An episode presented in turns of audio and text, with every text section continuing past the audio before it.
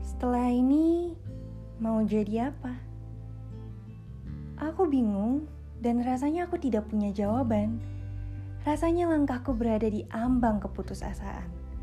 Padahal, sejak pertama kali melangkah memutuskan untuk mengejar pendidikan, aku sudah bertekad kuat untuk menjadi sesuatu yang aku impi-impikan. Kita harus punya tujuan, dan sebenarnya tujuan ada biar kita bisa siap-siap, biar kita nggak terlalu kaget saat gak sesuai sama harapan. Tapi sampai sekarang, aku kayaknya tetap milih kaget banget di every part in my life. Meskipun kadang kacau dan tiba-tiba lost control, pada akhirnya ya hidup akan terus maju begitu terus. Memang benar, hidup itu penuh dengan kejutan. Lantas, Ke mana mimpi-mimpi itu berada sekarang? Aku juga gak terlalu yakin untuk menjawabnya. Tapi bisa jadi pula, ia bersembunyi di balik harapan terdalam. Masih ada semoga yang diam-diam aku sampaikan pada Tuhan dan juga semesta.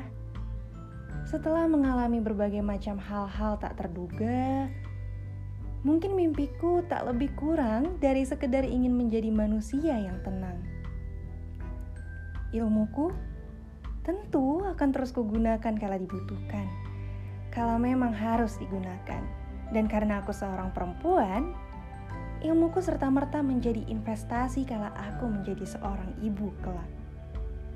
Tapi mungkin jawabannya memang manusia. Waktu gak ngalamin kemunduran dan dunia gak cuma punya satu jalan. Kalau ngomongin cita-cita, kita semua punya. Tapi kayak yang aku bilang sebelumnya, dunia selalu punya kejutan. Yang buat stres sebenarnya bukan nilai, tapi waktu yang hilang. Saat kita nggak capai standar terendah yang kita buat, buat aku pribadi rasanya kayak aku berhutang sama waktu.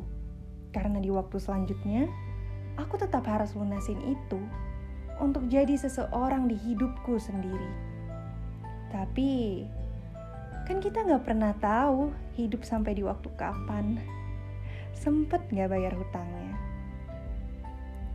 Di dunia ini, apa pun bentuknya aku selalu nyambungin sama waktu.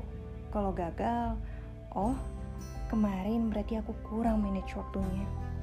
Kalau jatuh, oh di waktu selanjutnya aku harus bisa lebih kokoh.